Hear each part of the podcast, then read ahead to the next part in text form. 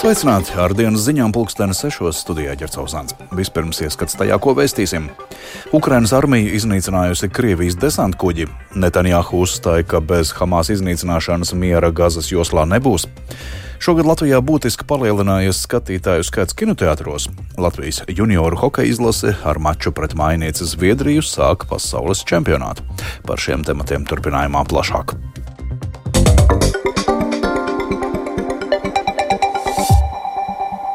Ukrainas prezidents Volodimirs Zelenskis izteicis gandarījumu par Krievijas desantu kuģi iznīcināšanu Krimā. Sociālajos tīklos viņš ironiski paziņoja, ka Krievijas Melnās jūras zemūdens floti papildinājis vēl viens kuģis. Pagājušā naktī Ukrainas gaisa spēki trāpīja Krievijas desantu kuģim, kas atradās Feodosijas ostā, Krievijas anektētajā Krimas pussalā. Jaunāko informāciju apkopojas kolēģis Arķums Konohaus. Ukrainas prezidents Volodimirs Zelenskis ir izteicis publisku pateicību Ukrainas gaisa spēkiem par Krievijas desmit kuģa ar nosaukumu Novačerkask iznīcināšanu. Savā ierakstā sociālajos tīklos Zelenskis piebilda, ka okupanti nekur Ukrainā nevarēs justies droši un mierīgi. Tāpat arī Lielbritānijas aizsardzības ministrs Grants Šaps norādīja, ka kļūdās tie, kuri apgalvo, ka Krievijas karā pret Ukrainu ir iestājies strupceļš. Ukrainas gaisa spēku uzbrukums Feodosijas ostai Krievijas anektētajā Krimas pussalā ir veikts naktī no pirmdienas uz otrdienu. Vietējie iedzīvotāji ir dzirdējuši lielu sprādzienu, pēc kura ostā izcēlās ugunsgrēks un bija daudz dūmu. Uzbrukuma faktu apstiprināja arī Krievijas ieceltā Krimas vadība. Anektētās pussalas vadītājs Sergejs Aksionovs sākotnēji norādīja, ka Feodosijas ostā ienaidnieku uzbrukuma dēļ ir izcēlies tikai neliels ugunsgrēks, ko ātri ir izdevies ierobežot. Vēlāk Krievijas aizsardzības ministrija un arī Kremlis atzina, ka desant kuģis ir bojāts. Krievija apgalvo, ka kuģis ir cietis atvairot ienaidnieka uzbrukumu. Tāpat Krievijas amatpersonas saka, ka uzbrukuma laikā ir notriektas divas Ukrainas kara lidmašīnas, kas veica raķešu uzlidojumu. Ukraina šo informāciju noraida. Ukrainas gaisa spēku vadītājs Mikola Olišķuks pateicās visiem, kas bija iesaistīti Krievijas desantkuģa iznīcināšanā, tostarp pilotiem. Trieciens esot veikts ar spārnotajām raķetēm, bet precīzāka informācija netiek sniegta. Olišķuks ir nodēvējis šo operāciju par ļoti smalku darbu. Krievijas ārkārtas situācija dienesta ziņo, ka viens cilvēks gājis bojā, vēl četri ir ievainoti. Sešas ostas tuvumā esošās ēkas ir cietušas. Lielākoties sprādziena dēļ tam ir izsisti logi. Ir cietusi arī Feodosijas centrālā dzelzceļa stacija. Jāpiebilst, ka Ukrainas armija arī iepriekš ir veikusi uzbrukumus šim kuģim. Pagājušā gada martā viņi ziņoja, ka to ir izdevies sabojāt.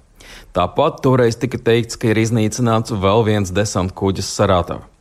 Tiek pieļauts, ka kuģis Novačerkask ir piegādājis Krimas pussalai Irānā ražotos dronus, ko Krievija plaši izmanto karā pret Ukrainu. Jāpiebilst, ka Krimas administrācijas pārstāvi ir publiski piedraudējuši ar izmeklēšanu visiem atslieciniekiem, kuri sociālajos tīklos izplata video. Viņi uzskata, ka šādi iedzīvotāji palīdz Ukrainas drošības dienestiem veikt savu darbu. Tomēr sociālajos tīklos turpina parādīties jaunas fotogrāfijas. Kāds lietotājs apgalvo, ka puse iznīcinātā kuģa tagad ir zem ūdens. Arčuns Konhaus Latvijas Rādio Briselē. Apvienoto Nāciju organizācija paudusi nopietnu satraukumu par Izraels gaisa uzbrukumiem Gazas joslai un mudina darīt visu iespējamo, lai mazinātu civiliedzīvotāju upuru skaitu. Saskaņā ar teroristu grupējiem Hamas pārvaldītās Gazas joslas veselības ministrijas datiem pēdējā raķešu uzbrukumā gājuši bojā 70 civiliedzīvotāju. Tomēr Izraels premjers Benjamins Netanjahu atkārtot paziņoja, ka mieru Gazā varot panākt tikai tad, ja tiks iznīcināta teroristiskā organizācija Hamas, ja šī teritorija tiks demilitarizēta un ja Palestīna Palestīnas sabiedrība tiks deradikalizēta. Atklātā vēstulē izdevumā Wall Street Journal Netanjahu sola turpināt iesākto kursu un pat pastiprināt uzbrukumus.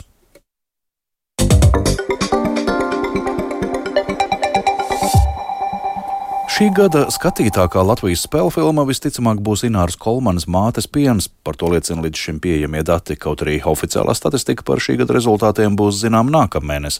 Šogad visai būtiski palielinājies skatītāju skaits kinoteātros salīdzinot ar iepriekšējo gadu, kas liecina, ka skatītāji līdzās digitālajām platformām joprojām novērtē klasisko, eh, klasisko kino skatīšanās pieredzi.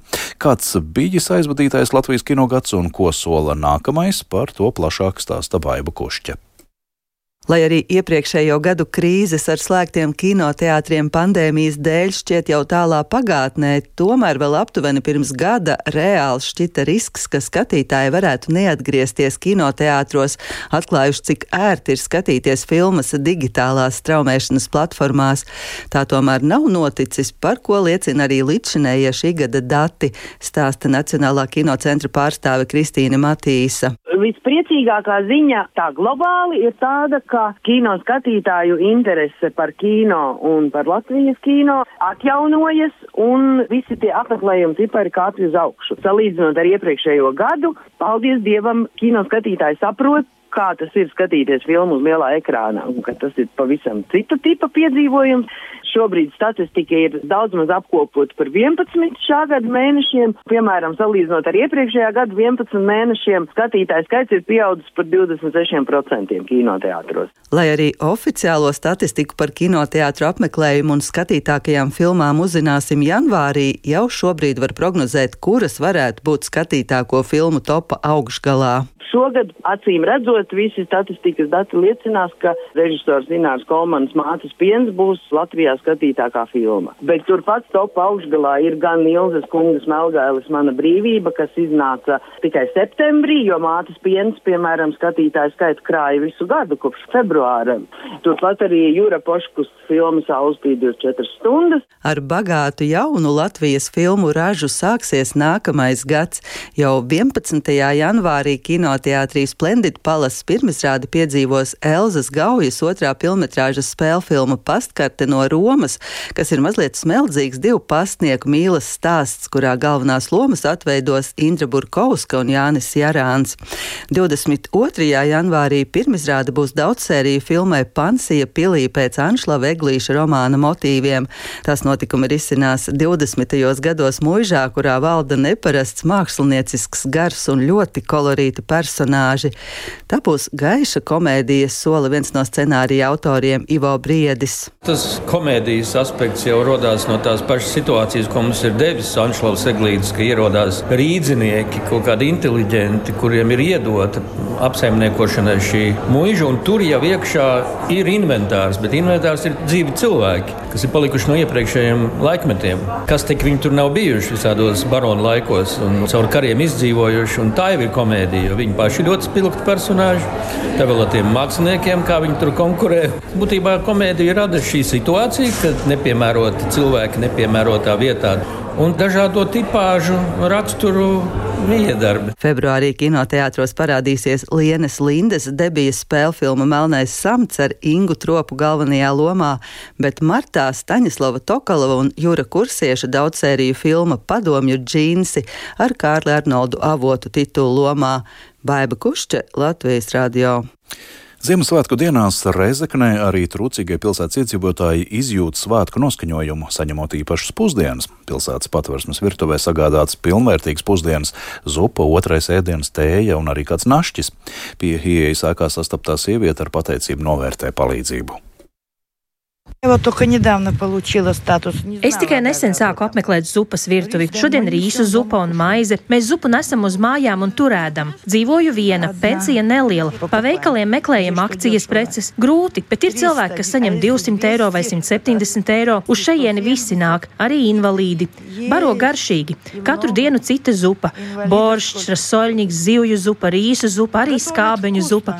Bet, ja gatavotu mājās, cik produktu jāsapērk un vēl cik gāzes izdedzināt, uzzināsi. Tagad uz Ziemassvētkiem veselu nedēļu būs akcija. Pusrī otrais ēdiens - makaroni, sārdeles. Karončki, sardelički. Reizeknas patversmē stāsta, ka zupu trūcīgie saņem visu gadu darbdienās, bet svētku laikā tiek rīkotas sociālās akcijas. Reizeknas sociālā dienesta vadītāja vietniece Ines Dukaļska uzsver, ka zupas virtuvi izmanto ne tikai pilsētas trūcīgie iedzīvotāji, bet arī tie, kuri nonākuši krīzes situācijā un arī kara bēgļi. Pašvaldībā ir 1060 trūcīgās personas, 37% ir pilngadīgas personas, kuras lielākoties nestrādā.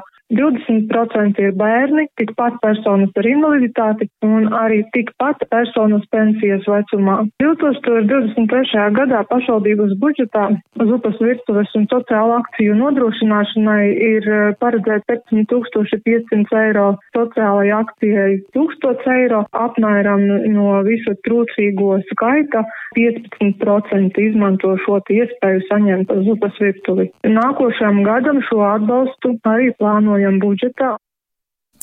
Šogad ir rekordliels ziņojumu skaits vietnē dabas dati LV, tur dokumentēti vairāk nekā 281 tūkstotis novērojumu. Arī šogad iedzīvotāji visvairāk ziņojuši par dabā novērotajiem putniem un sēnēm. Īpaši daudz ziņojumu saņemt Rīgas reģionā, mazāk no Latgales reģiona.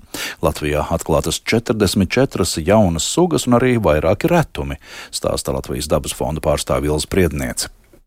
Kā vienmēr, pirmajā vietā ir putni. Šogad vairāk kā 80% ir putnu, kas ir ļoti līdzīgi arī iepriekšējiem gadiem. Otrajā vietā ir tauriņi, apmēram 5% ziņojumu. Un pēc tam seko ļoti līdzīgā daudzumā gan sēņu ziņojumi, gan citu kukaiņu ziņojumi. Un pārējās grupas ir mazāk zem 2% no visiem novērojumiem. Kā katru gadu ir izdevies atklāt jaunas sugas, visvairāk ir jaunas gļotsēņu sugas, 36, tad ir divas jaunas sugas naktstauriņiem un augiem, pa vienai ķerpiem sēnēm, sūnām un viena spāru suga agrāk Latvijā neatklāta.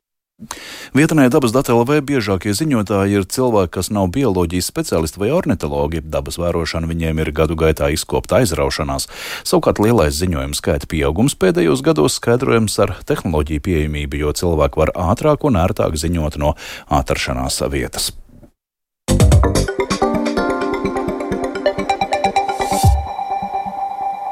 Latvijas junioru hokeja izlase šovakar ar atklāšanas maču pret mainīgiem Zviedriem sāks pasaules čempionāta augstākajā divīzijā. Lai gan Zviedri ir neapšaubām cīņas favorīti, jaunie latvieši ir apņēmības pilni sarūktināt aptuveni 12 tūkstošu mainīgu fanu, kuri šovakar pulcēsies Gēteborgas hallas tribīnēs.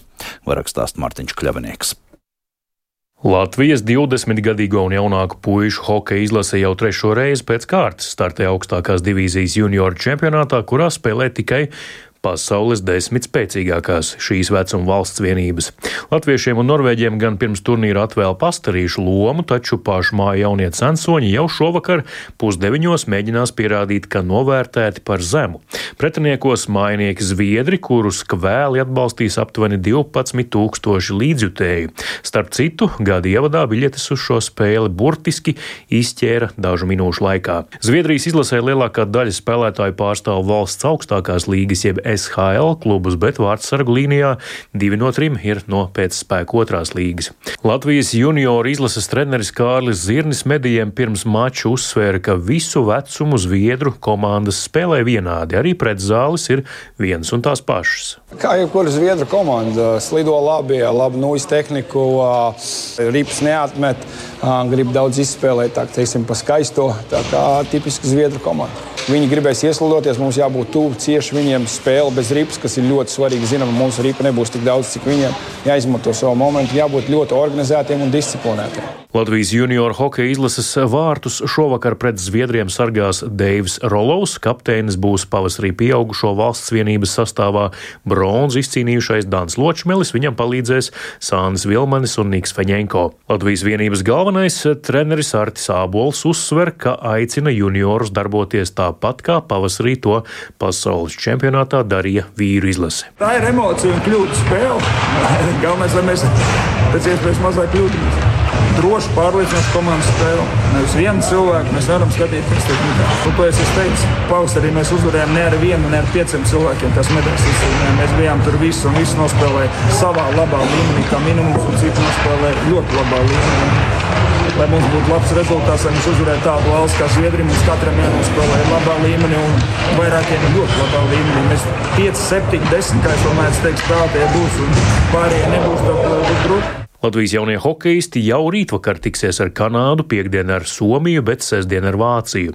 B apakšgrupā sacensties Slovākija, Čehija, ASV, Norvēģija un Šveice. Galvenā spēle, lai nebūtu jācīnās par palikšanu spēcīgāko pulkā, visticamāk latviešiem būs pret Vāciju. Mārtiņš Kļavinieks, Latvijas radio. Un vēl nokrišņu ietekmē Kurzemes upēs ir atsācies ūdens līmeņa kāpums. Tā brīdina Latvijas vidus geoloģijas un meteoroloģijas centrs. Hidrologi atzīmē, ka daudz viet Latvijā plaši aplūdušas upju palienas un zemākās vietas, un joprojām spēkā dzeltenās pakāpes brīdinājums par augstu ūdens līmeni. Tuvākajās dienās būs nokrišņi, neliels sals mīsies ar atkusni, un tas veicinās ilgstoši paaugstinātu ūdens līmeni. Izskan dienas ziņas sešos, tās producēja bija Bremse, par labskaņu rūpējās Kaspars Groskops un Mārtiņš Paeglis, studijā Ģercauzāns. Yeah. Rīgā šobrīd ir 1 grāds, lēns dienvidu vējš, atmosfēras spiediens 748 mm, relatīvais mitrums 94%. Nakts Latvijā būs apmākusies, daudz vietā brīžiem sniegs, slapjšnieks, ceļa slideni, rietumu ziemeļrietumu vējš 4,9 m2, rīt no rīta jūras piekrastē brāzmās līdz 15 m2, gaisa temperatūra no mīnus 3 līdz 2 grādiem. Rītdienā mākoņēns dažviet skaidrosies, vietām pārsvarā austrumu daļā arī sniks un arī slapjšnieks. Brāzmēns rietumu ziemeļrietumu un vējš piekrastē līdz 17 metriem sekundē, gaisa temperatūra 0 līdz 4 grādi. Laika tips naktī un dienā otrais - labvēlīgs.